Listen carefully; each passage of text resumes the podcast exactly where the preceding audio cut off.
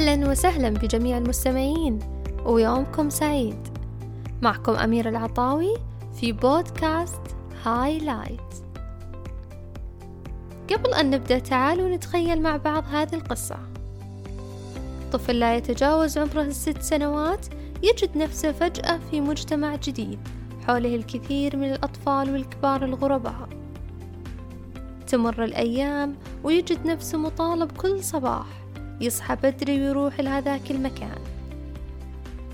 ثم يجد نفسه مطالب بالكثير من الواجبات والطلبات ويتلقى الأوامر والتوجيهات بدون ما يعرف ليه يصير مع كل هذا. تمر الأيام تلو الأيام وحتى يستوعب ويدرك اللي يدور حوله وليه هو هنا وإيش أهمية اللي يحدث في حياته. يجد أن عمره مضى منه 16 عام. 16 عام وهو لا يزال عالق في هذه الدوامة. وبعدين فجأة يلقى نفسه مطالب بأخذ قرار مصيري باختيار تخصصه الجامعي. هذا التخصص اللي يحدد سير حياته يحدد اللقب اللي يوضع قبل اسمه يحدد مكانته الاجتماعية والمادية لبقية عمره.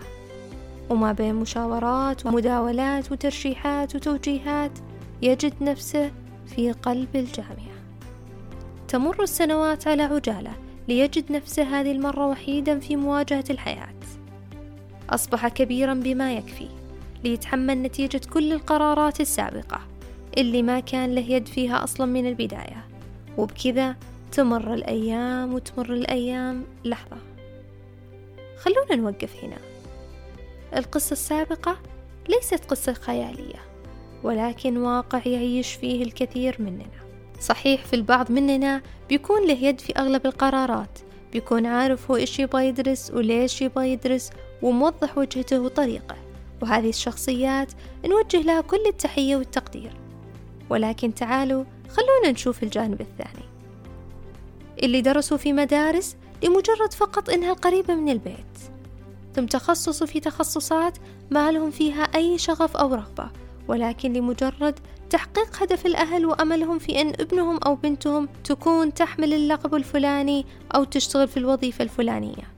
أو حتى درسوا تخصصات معينة لمجرد أن فقط مجموع درجاتهم ما يسمح لهم بدراسة غيرها. هذول الأشخاص كثيرين حولنا وهم الأغلب والأكثر انتشارا بيننا. وإنت ممكن تكون واحد منهم. عشان كذا حابة أقول لك شيء تطمن.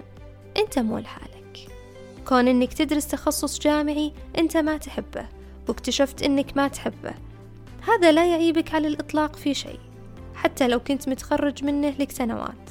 ثم اكتشفت من خلال الانخراط في سوق العمل أن هذا هو مو مكانك المناسب.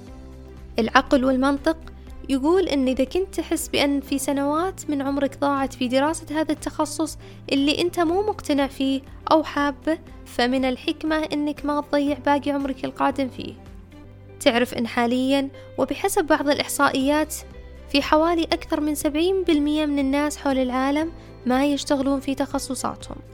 وشوف حولك سواء في محيطك القريب أو على المستوى الأكبر من مشاهير وشخصيات تاريخية.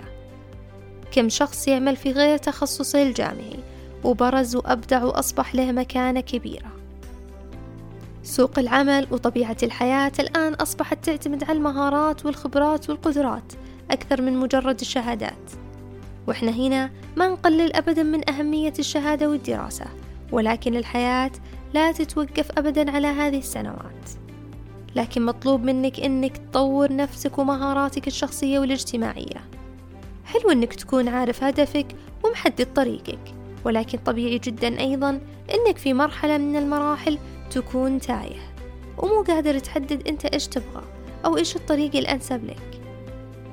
ما هو بالضرورة إنك تكتشف شغفك وحلمك في يوم وليلة لكن ضروري إنك تجرب وتحاول مرة واثنين وثلاثة حتى لو في مجالات مختلفة. الحياة ليست قالب ثابت نمر خلاله بنفس التجارب والخبرات. كل واحد منا له قالبه الخاص فلا تشغل نفسك ولا تتعبها بالمقارنات. لا تنخدع بفكرة الألقاب أو المسميات على حساب نفسك فأنت من يعطي للقب قيمة. وليس العكس. تذكر دائما الاستمرارية في السعي تعني حتمية الوصول. أنهي الحلقة؟ بمقولتي المعتادة. كل يوم بداية جديدة. ألتقيكم ببداية قادمة بإذن الله.